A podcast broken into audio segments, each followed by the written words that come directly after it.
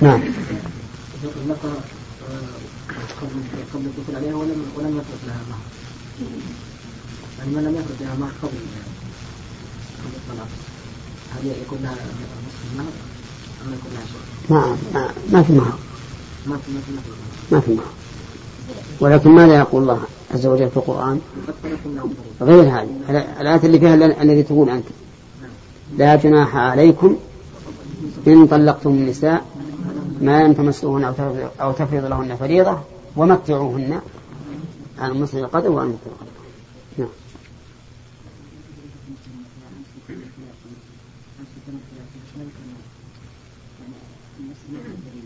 إيش؟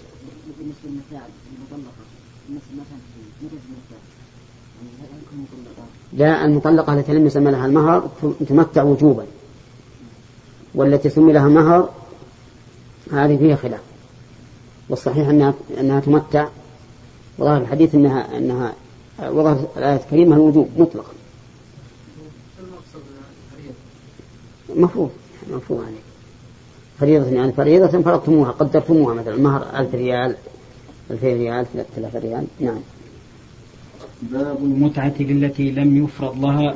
لقوله تعالى لا جناح عليكم إن طلقتم النساء ما لم تمسوهن أو تفرضوا لهن فريضة.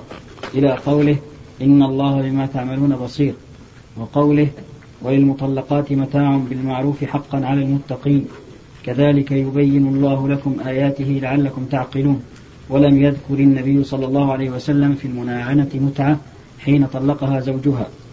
حدثنا قتيبة بن سعيد قال حدثنا سفيان عن عمرو عن سعيد بن جبير عن ابن عمر أن النبي صلى الله عليه وسلم قال للمتلاعنين حسابكما على الله. أحدكما كاذب لا سبيل لك عليها. قال يا رسول الله ما لي؟ قال لا مال لك. إن كنت صدقت عليها فهو ما استحللت من فرجها. وإن كنت كذبت عليها فذاك أبعد وأبعد لك منها. قوله تعالى لا جناح عليكم من طلقتم النساء ما لم تمسوهن أو تفرضوا لهن فريضة. يعني ليس عليكم إثم إذا طلقتم النساء قبل المسيس وقبل الفريضة. كرجل عقد على امرأة بدون تسمية مهر. ثم طلقها قبل أن يدخل عليها. نقول هذا ليس عليه إثم. وإنما نفى الله الإثم لئلا يتوهم واهم أنه في هذه الحال يأثم حيث إنه كسرها. إذ أن الناس سوف يتساءلون لماذا؟ طلق قبل أن يدخل وقبل أن ينظر قبل أن يعرف. فنفى الله الإثم. لكنه قال ومتعوهن على الموسع قدره وعلى المقتر قدره. يعني يجب أن يمتعن بحسب حال الزوج الموسع عليه بقدره والمقتر الفقير عليه بقدره. ومتعوهن على الموسع قدره وعلى المقتر قدره متاعا بالمعروف حقا على المحسنين. وإن طلقتموهن من قبل تمسوهن وقد فرضتم لهن فريضة فنصف ما فرضتم إلا أن يعفون. أو يعفو الذي بيده عقدة النكاح وهو الزوج على القول الراجح. وأن تعفوا أقرب التقوى ولا تنسوا الفضل بينكم يعني لا تنسوا الخير والعفو والعطاء بينكم إن الله بما تعملون بصير. وأما قول والمطلقات متاع بالمعروف حقا على المتقين فهذا غير الأول. الأول متاع في مقابلة نصف المهر وهو واجب بالاتفاق. والثاني متاع لجبر كسر قلب المرأة. وظاهر الآية الكريمة أنه واجب لأنه أكده قال حقا وقال على المتقين فدل ذلك على وجوبه لأنه جعله مفروضا على المتقين. كذلك يبين الله لكم آياته لعلكم تعقلون. إي نعم. نعم. وليد. في مسألة الدخول. ولولا لولا ما روي عن عمر رضي الله عنه وعلي بن أبي طالب لكان الأصوب أن مذهب الشافعي. أنه لا صداق لا لا يكمل الصداق إلا بالجماع. لأنه هو ظاهر الآية. ظاهر الآية أنه أن الحكم معلق بالمس. ولكن الإنسان يهاب أن أن يخالف عمر وعلي بن أبي طالب رضي الله عنه. نعم. نصف المهر ذكر الله. ما يكون مقام مقام المتعة يكون هو المتعة. إيه لكن بس ما ما متعة. آه، مسمى مهرا إيه يكون نصف المهر إيه صح. وهو كذلك ما يكون متعة؟ على هذا القول يكون لها نصف المهر ومتعة لا لا لا. لا هذه ما لها نصف المهر. لكن لو أن رجل دخل بمرأة وبقي معها سنين أو أو أشهر ثم طلقها فلا بد من المتعة. نعم.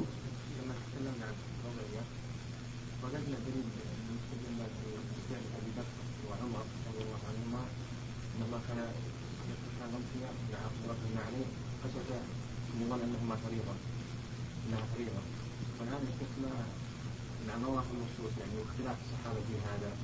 مخالفة يعني ابن مسعود من فقهاء الصحابة. يعني أخذنا بقول علي والله نهى نهى وما نجزم لكن نهى بهذا ليش؟ لأن هذا في الدليل آه، سبب.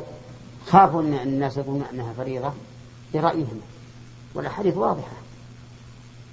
واضحة في الوجوب. أما هذه ما هي إلى ذاك الوضوح لأنهم كما قال ال- ابن حجر المظنة تقوم مقام المئنة يعني المؤكد. لأن الإنسان في الغالب إذا خلى بامرأته في ليلة الزواج الغالب أنه ما يصبر. يكون الإنسان مثلا الواحد يقول مثلا أنه ما جامع. ربما يقول ما جامع لئلا يسقط ليسقط حقه. ولهذا مالك فرق. قال إن كان في بيته فله حكم وإن كان في بيتها فلها فله حكم. تصدق عليه في بيته ويصدق عليها في إيه، تصدق نعم يصدق عليها في في بيتها وتصدق عليه في بيته. لأن إيه ولا تفهم يمكن أن الإنسان اللي يخاف الله يعطى الحائط ولا يبالي نعم. لو اتفق على أنه لم يحصل وطء كذا؟ أي نعم هذه هي المسألة هي المسألة لا. عليها العدة عليها العدة إيه. نعم طيب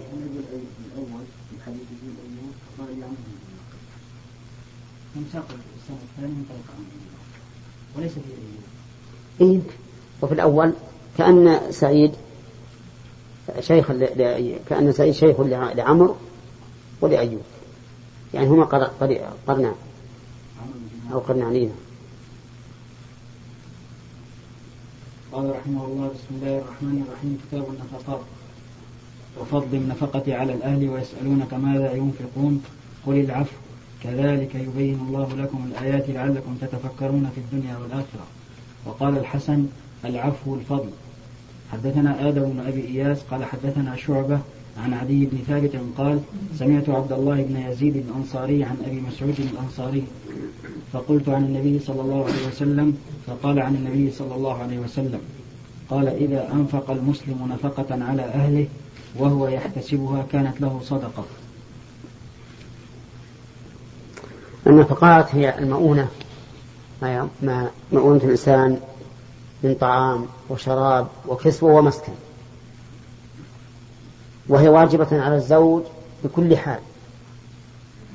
أي سواء كانت الزوجة غنية أم فقيرة. لأنها في مقابل الاستمتاع بها. أما غير الزوجة من الأقارب فإنها تجب بشروط.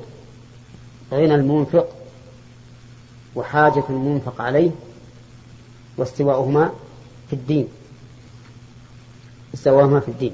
والثالث كونه وارثا أي كون المنفق وارثا لمن ينفق عليه بفرض أو تعصيب هذه أربعة إلا أن هذا الأخير يستثنى منه عمود النسب يعني الأصول والفروع فإنه لا يشترط التوارث بينهما لقوة الصلة والقرابة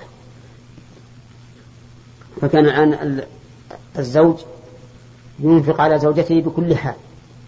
سواء كان يرثها أو لا يرثها. وسواء كانت غنية أم فقيرة. أما الأقارب فالشروط أربعة غنى المنفق وحاجة المنفق عليه. اتفاق الدين.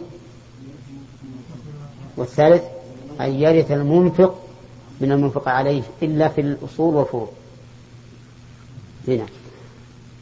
هنا يقول إذا أنفق المسلم نفقة على أهله وهو يحتسبها كانت له صدقة. يحتسبها يعني يحتسب أجرها على الله عز وجل. فخرج بذلك من ينفق على سبيل الغفلة. يجيب الخبز والأدم واللحم والطعام على سبيل الغفلة. فإنه لا يحصل له هذا الفضل. ما يكون له صدقة. أما أما إذا كان يحتسب ذلك فإنه يكون له صدقة. وأكثر الناس من الغافلين. أكثر الناس لا يحتسبون هذا. يأتون بالنفقات على سبيل العادة فقط. وهذا الحديث ينبغي أن يكون مقيدا لجميع الأحاديث المطلقة التي وردت أن في أن الإنفاق على الأهل وعلى النفس صدقة. فيكون مراد مع الاحتساب. نعم. إيه يعني سواء كان وارث ولا ولا مو وارث يجب عليه الإنفاق. إذا كان مسلما وهي نصرانية. أو يهودية.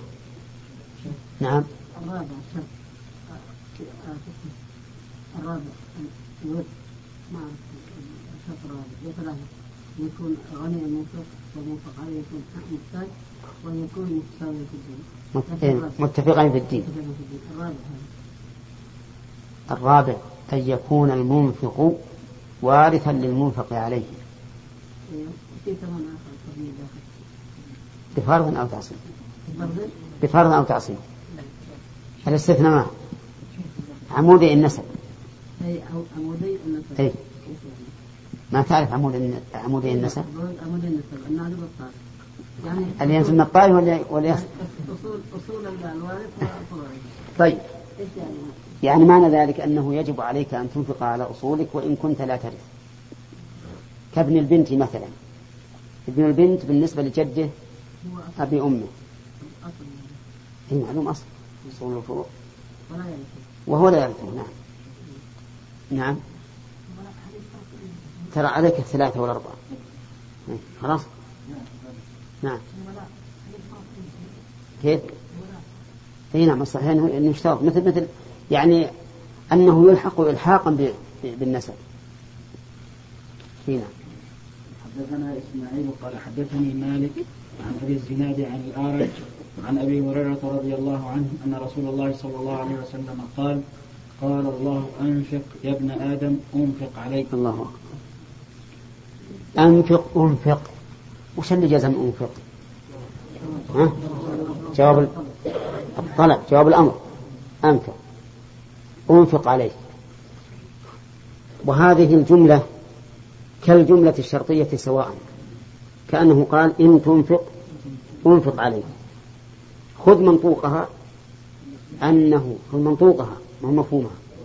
أنك إذا أنفقت أنفق الله عليك. خذ مفهومها. إن لم تنفق لم ينفق الله عليك. وهذا كقوله لعائشة لا توعي فيوعي الله عليك. فهذا دليل على أن الإنفاق يكون يكون فيه خلف من الله عز وجل. وفيه أيضا ساعة الصفات وأنها أوسع من الأسماء. فإن أنفق فعل وهو من الصفات الفعلية.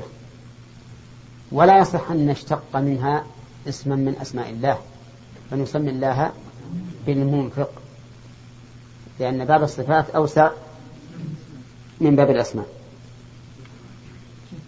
نعم. خالد؟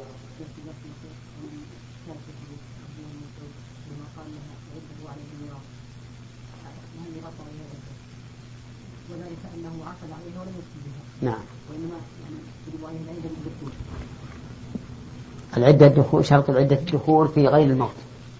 مر علينا أمس إيه عشان هذا. فاتك شيء كثير. نعم. النية النية. نعم.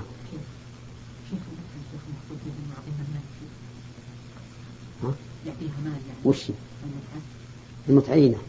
كم كم؟ ما قال على موسى قدر وعلى مقتل قدر آه خلاص. شلون تصير حاميها حرميها يا مصطفى. لا لا يا شيخ قلت لأنه في هذا سؤال مهم. النبي عليه السلام بعدين بعدين. خلوا بعد خلوا بعد. حدثنا يحيى بن قزعة قال حدثنا مالك عن ثور بن زيد عن أبي الغيث عن أبي هريرة قال قال النبي صلى الله عليه وسلم الساعي على الأرملة والمس والمسكين كالمجاهد في سبيل الله أو القائم الليل الصائم النهار. الله أو هذه للشك ويحتمل أنها للتنويع. الساعي على الأرمة هو- الذي يقوم بمصالحهم. والأرملة والمساكين أولادك أرملة ومساكين لأن لأن ولدك الصغير مسكين ليس عنده شيء. فالساعي عليهم كالمجاهد في سبيل الله أو كالقائم الليل الصائم النهار. وهذه من نعمة الله على العبد. أن ينفق على أولاده وعلى أهله ومع ذلك يكون كالمجاهد في سبيل الله أو كالصائم القائم. ولكن هل نقول إن هذا مقيد بالحديث الأول حديث ابن مسعود الأنصاري؟ ها؟ نعم. إذا كان مع الاحتساب. نعم إذا كان المنفق عليه يرث من المنفق للعب هل هل يعطى من النفقة؟ ها؟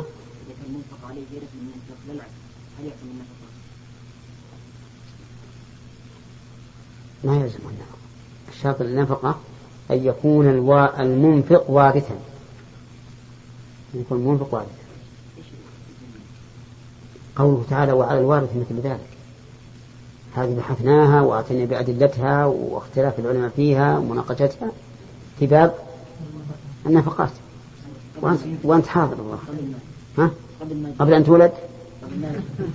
طيب. إيه نعم. نعم. هي لولاه لكانت أرملة؟ يعني ما, ما تكون أرملة. فهو لولاه لكانت أرملة. أو يقال أيضا تكون أرملة الثانية مثل الإنسان عنده عنده أخته أو بنته. قد توفي عنها زوجها وهو الساعي عليها كل هذا. يصلح أن نسميها لأنها أرملة بدون. داخلة في المساكين إذا كانت فقيرة. إذا كانت فقيرة فهي داخلة في المساكين. نعم. كان سؤال زين. حدثنا محمد بن كثير قال أخبرنا سفيان عن سعد بن عن سعد بن إبراهيم عن عامر بن سعد عن سعد رضي الله عنه قال كان النبي صلى الله عليه وسلم يعودني وأنا مريض بمكة. فقلت لي مال أوصي بمالي كله؟ قال لا. قلت كالشر قال لا. قلت كالثلث قال الثلث. الثلث كثير. أن تدع ورثتك أغنياء خير من تدعهم.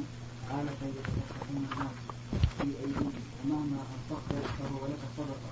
حتى اللقمة ترفعها إلى امرأتك ولعل الله يرفعك ينتفع بك ناس ويضر بك آخرون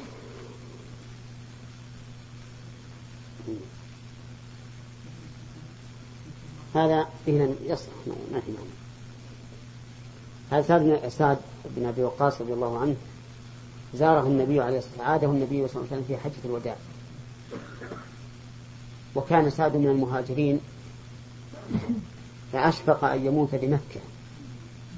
لأنهم يكرهون أن يموت الرجل المهاجر في أرض هاجر منها فيدفن فيها. لأنه لا يقيم فيها وهو حي حيث إنها أرض تركها لله فلا يعود فيها كما لا يعود الرجل في صدقته التي أخرجها لله. فالصدقة التي أخرجها لله لا يعود فيها. والأرض التي خرج منها لله أيضا لا يعود فيها. نعم.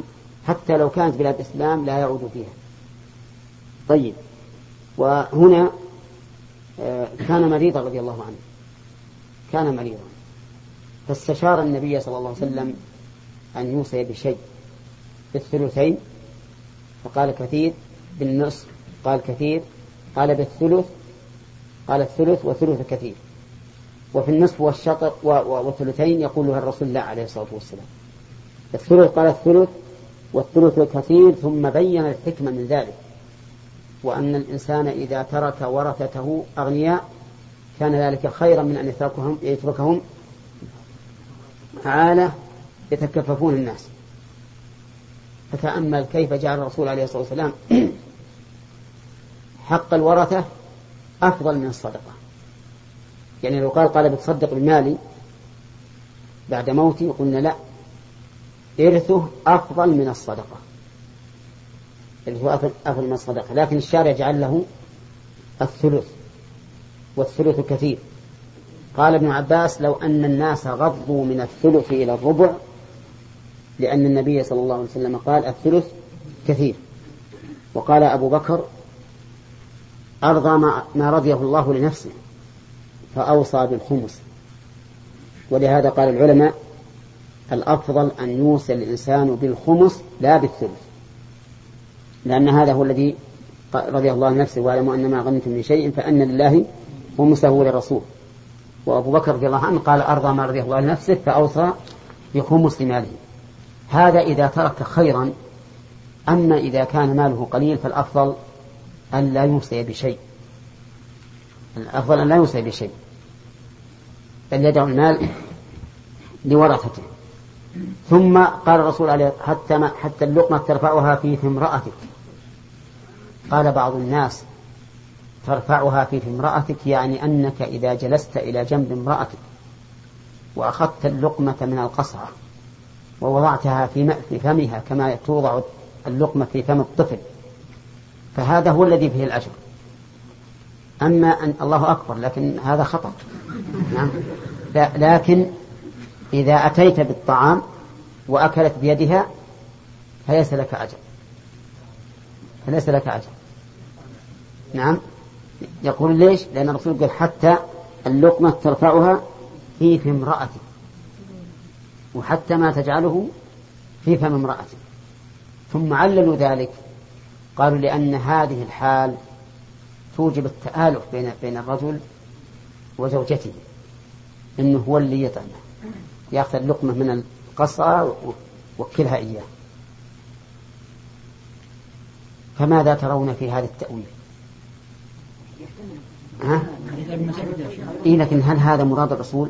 وهل كان الرسول يفعل هذا مع زوجاته؟ وما علمنا أحد من الصحابة فعله. ما علمنا ذلك. لكن معنى أنك إذا أتيت بها فكأنك أنت الذي رفعتها أنت السبب لولا مجيئك بهذا الطعام هل ترفع المرأة شيئا من اللقمة إلى فمها أبدا. فلما كان هو السبب الأول والأخير صار هو الذي كأنه رفعها. كأنه رفعها. بل أنا أعتقد يمكن بعض النساء تغضب. إذا قد جنبه يوكله. قالت أنا من برضيع توكلني. ويمكن تزعل. ترى أن هذا احتقار لها. على كل حال المقصود بلا شك مقصود الرسول فيما نرى والعلم عند الله. أنه يريد بذلك أن الطعام الذي تأتي به إلى امرأتك تؤجر عليه. وإنما ضرب الرسول صلى الله عليه وسلم مثلا بذلك لأن إطعام المرأة في مقابل الاستمتاع بها. يعني كأنه يقول حتى النفقة التي في مقابل الاستمتاع يؤجر الإنسان عليها لكن بشرط ولكن ما ذكر في هذا الحديث. قال إنك لن تنفق نفقة تبتغي بها وجه الله. وهذا مثل الحديث الأول اللي مرنا يحتسبها. طيب. ثم إن توقع الرسول صلى الله عليه وسلم وقع. قال لعلك ولعل الله يرفعك وينتفع بك ناس ويضر بك آخرون. هو اللفظ الثاني أبسط من هذا. قال إنك لن تخلف. ثم قال له ولعلك أن تخلف حتى ينتفع بك أقوام ويضر بك آخرون. فقوله في الأول لن تخلف يعني لن تخلف في مكة يعني لن تموت في مكة. الذي أنت تخشى أن تموت فيها التي أنت تخشى أن تموت فيها ولعلك أن تخلف أي تبقى. أي تبقى وفعلا هذا الذي حصل. بقي سعد بن أبي وقاص وكان في ذلك اليوم الذي عاده فيه الرسول عليه الصلاة والسلام ليس له مما ممن يرثه إلا بنت فقط من الفروع ولم يمت إلا وعنده أكثر من عشرة أبناء وبنات كثيرات. وأيضا نفع الله به أقواما وضر به آخرين. نفع به المسلمين لأنه حصل على يديه فتوحات عظيمة وضر به آخرين من الكفار. لأنه لأن الله أذلهم على يده فسبى أموالهم فغنم أموالهم وسبى نساءهم وذريتهم. فكان في هذا بشرى لسعد بن أبي وقاص رضي الله عنه وقد وقعت كما أخبر الرسول صلى الله عليه وسلم. نعم.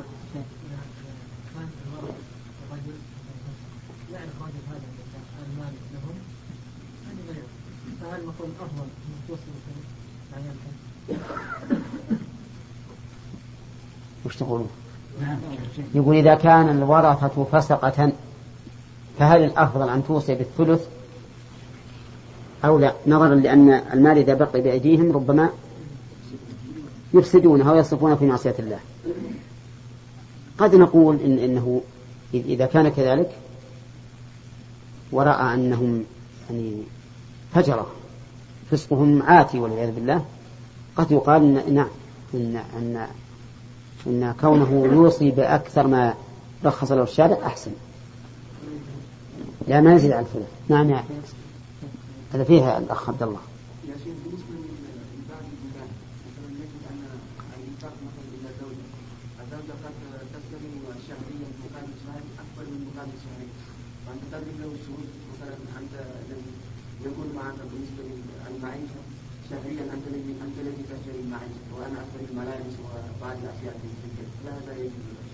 إذا اتفق على ذلك ما في مانع إذا اتفقا لا بأس.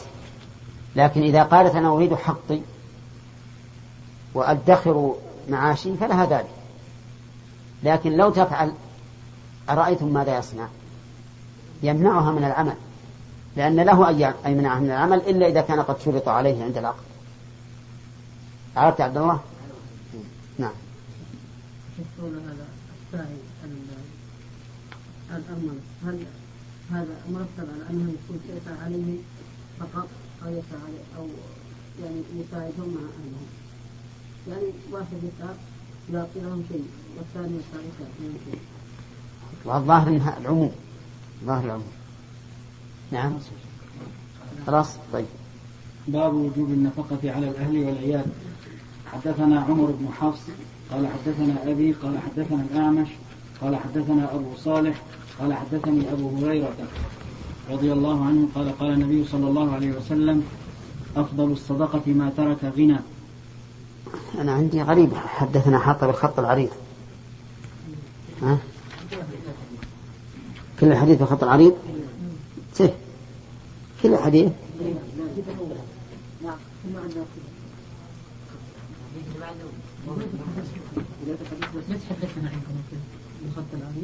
هو بالعادة حدثنا الأول.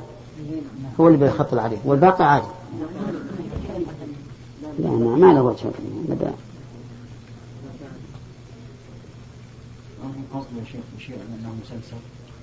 نعم. طيب ولا ما خلى كلها بالخط العريض هذيك ما ليست مسلسلة لا إلا حط هذا السند كله. إيه. ما هو كله بالخط العريض. اي ماذا عنكم. نعم.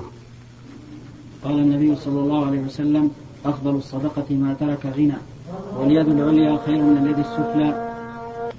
عن أبي هريرة رضي الله عنه قال قال النبي صلى الله عليه وسلم أفضل الصدقة ما ترك غنى واليد العليا خير من اليد السفلى. وابدأ بمن تعول تقول المرأة إما أن تطعمني وإما أن تطلقني ويقول العبد أطعمني واستعملني ويقول الابن أطعمني إلى من تدعني فقال يا أبا فقالوا يا أبا هريرة سمعت هذا من رسول الله صلى الله عليه وسلم؟ قال لا هذا من كيس أبي هريرة. وش يعني من قولك تقول المرأة إما أن تطعمه ومن كيسه يعني من عنده. من عند أبي هريرة. وأنا ها؟ لا لا من كيس كيس. وأنا مر علينا في النونية في إطالة الغرة. يقول أبو هريرة قال ذا من كيسه فغدا يميزه أولو العرفان. فأنا أقول ليش يقول لأبي هريرة؟ قاله من كيسه فكان رحمه الله أخذه من قول أبي هريرة أن هذا من كيسه نعم. نعم. نعم. المقصود يعني نفس الحديث هذا لكن ليس مقصورا عليه رجل يكون هذا يعني فقط ليس مقصورا على رجل على ابدا لأن هذا ما جرت به العاده ما ما جرت به العاده هذا. الرسول يقول لشيء ما كان معروف عندهم. ثم اللفظ الثاني حتى ما تجعلوه في فم امرأته يدل هذا على أنه تصرف الرواة ها؟ ذكرنا لماذا قلنا لأن الإنفاق على المرأة في مقابلة الاستمتاع. ومع ذلك صار, صار له في أجر. لكن الإنفاق على الأم والأب والإخوة هذه مجرد إحسان. نعم؟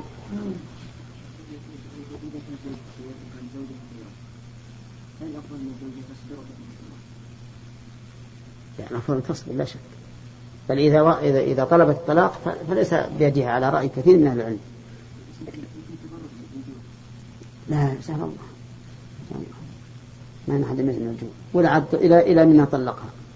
تضمن أن تجد زوج ينفق عليها وأن تزوج زوج أفكر من الأول أو ما جاء أحد وظاهر قوله تعالى ومن قدر عليه رزقه فلينفق مما آتاه الله لا يكلف الله نفسا إلا ما آتاها. ظاهر الآية أنه لا ليس له حق في طلب الطلاق. نعم.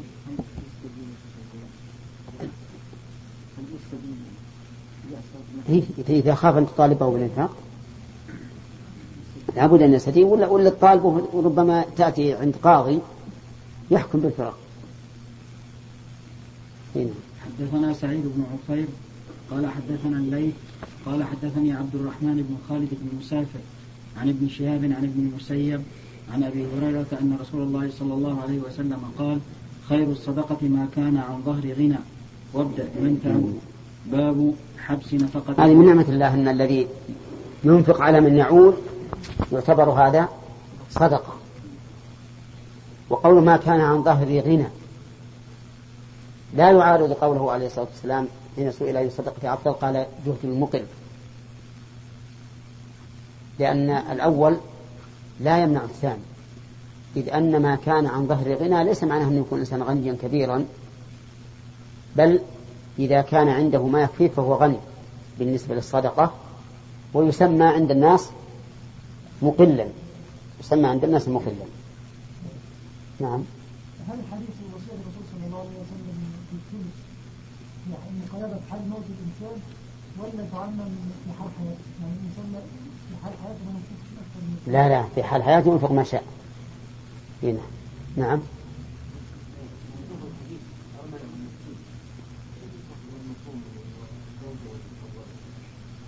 المسكين ما هو بولد؟ شرعا شرعا. إذا صار الولد هذا ما عنده ما يقدر ما ما يقدر ينفق على نفسه فهو مسكين. الزوجة أيضا أرملة لولاك لكنها كانت أرملة. نعم. آخر واحد.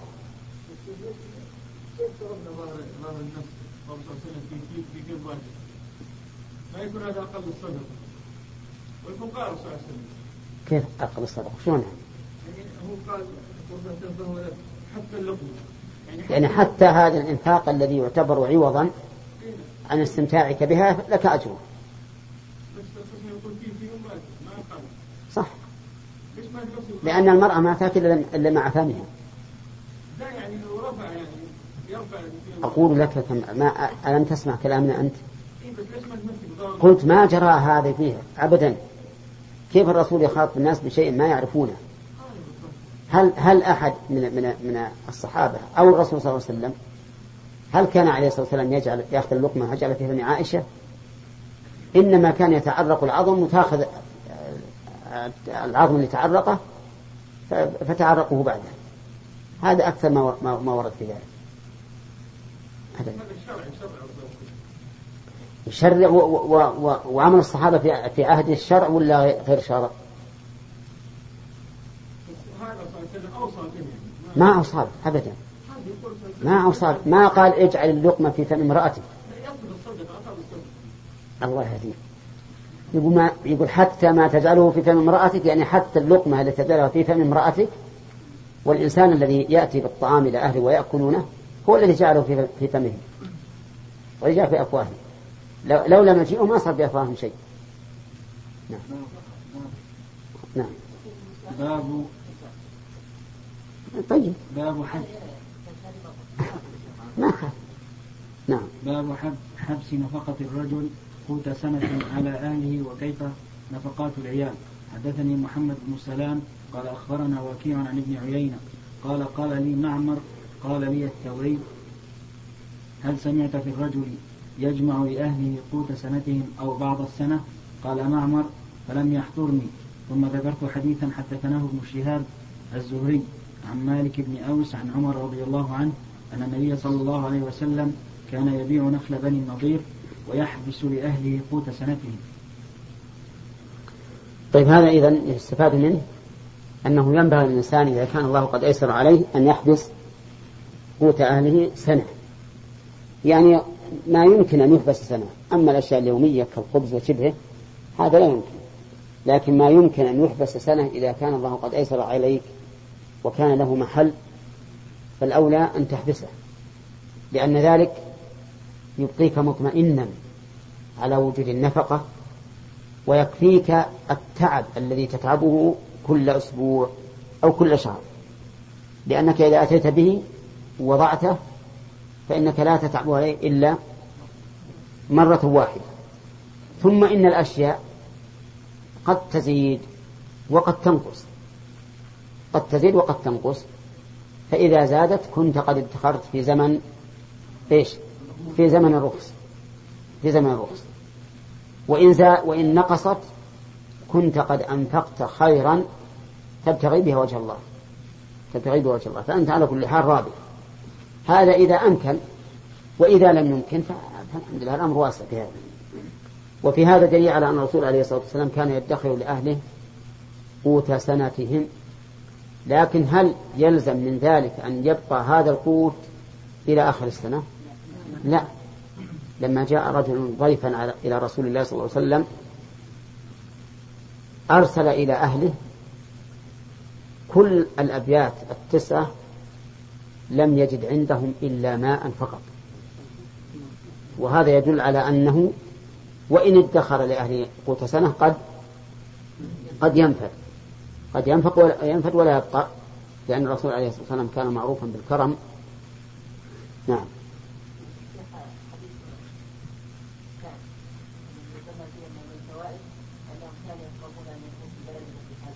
نعم هذا على سبيل على سبيل الوجوب؟ أما أما إقامته حيا فعلى سبيل الوجوب. الرسول عليه الصلاة والسلام منع المهاجر من أن يقيم في مكة إلا ثلاثة أيام فقط بعد أداء نسكه. العلة كما قلت لكم. أنها أرض تركها لله فلا ينبغي أن يعود فيها.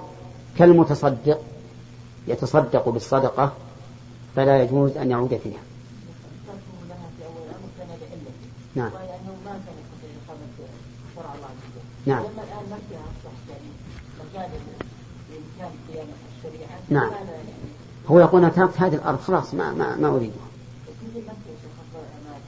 هذا هذا الرسول منع من ذلك. الرسول أعلم مني ومنك أي لا أقول ما ما ما رخص له المهاجر أن يبقى في في سنته في مكة إلا ثلاثة أيام بعد النسك ولهذا في حديث سعد في الرواية الثانية قال الرسول لكن البائس سعد بن خولة.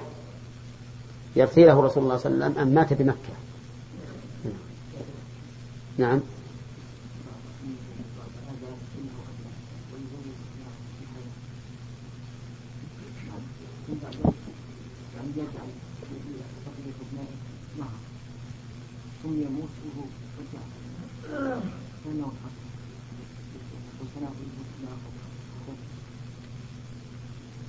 وش تقولون فيها؟ ها؟ يقول إن بعض الناس يزوج أولاده الذين بلغوا سن الزواج ويكون له أولاد صغار فيوصي بمقدار المهر لكل ولد صغير نقول هذا حرام. حرام عليه. ولا يجوز أن ينفذ إلا برضا الورثة لأن لأن النكاح مثل النفقة. مثل النفقة. سد حاجة للمزوج. ما تحتاج إليه سددنا حاجته. ولا كان نقول أنت الآن ولك هذا الصغير اللي في المهد يكفيه من اللباس كم؟ متر من اللباس ولا لا؟ والولد الكبير البالغ الطويل الناهي طويل عريض كم يكفيه لا عشر متر لا. لا خلوا ستة متر. نعم. ستة متر طول عرض يعني. هل نقول أوصي لولدك الصغير في المهد؟ أوصي له بخمسة أمتار لكل ثوب؟ هذا حسب الحاجة نعم. نعم يا شاكر.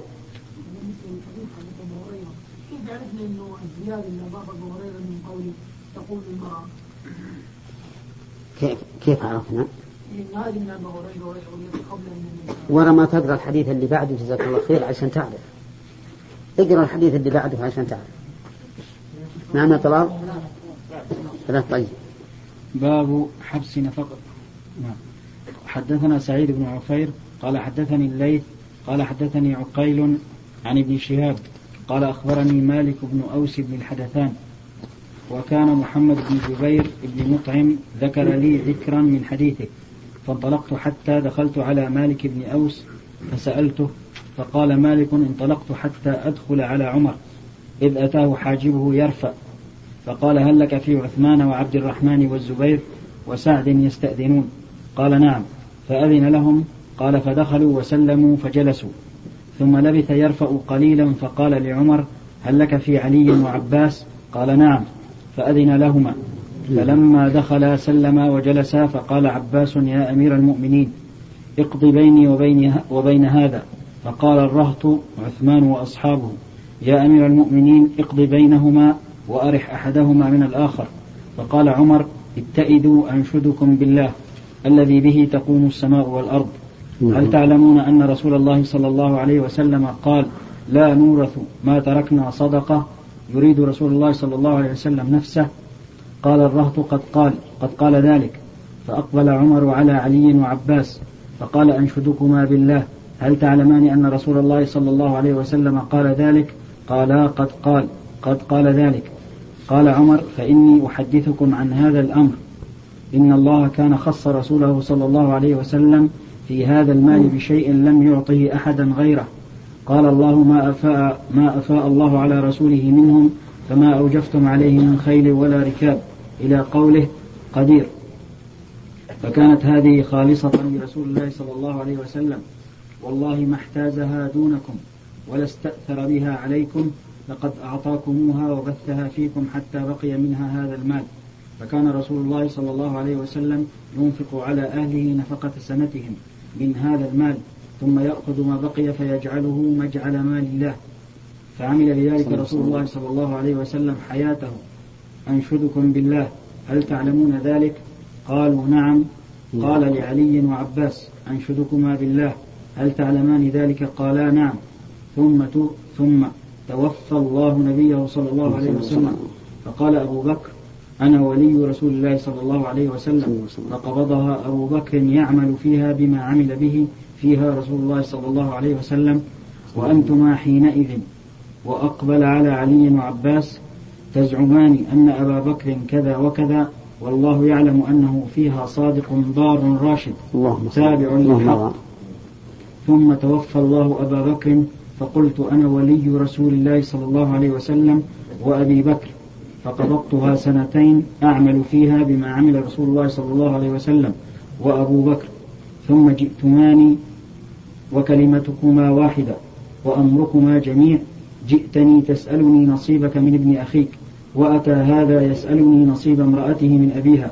فقلت إن شئتما دفعته إليكما على أن عليكما عهد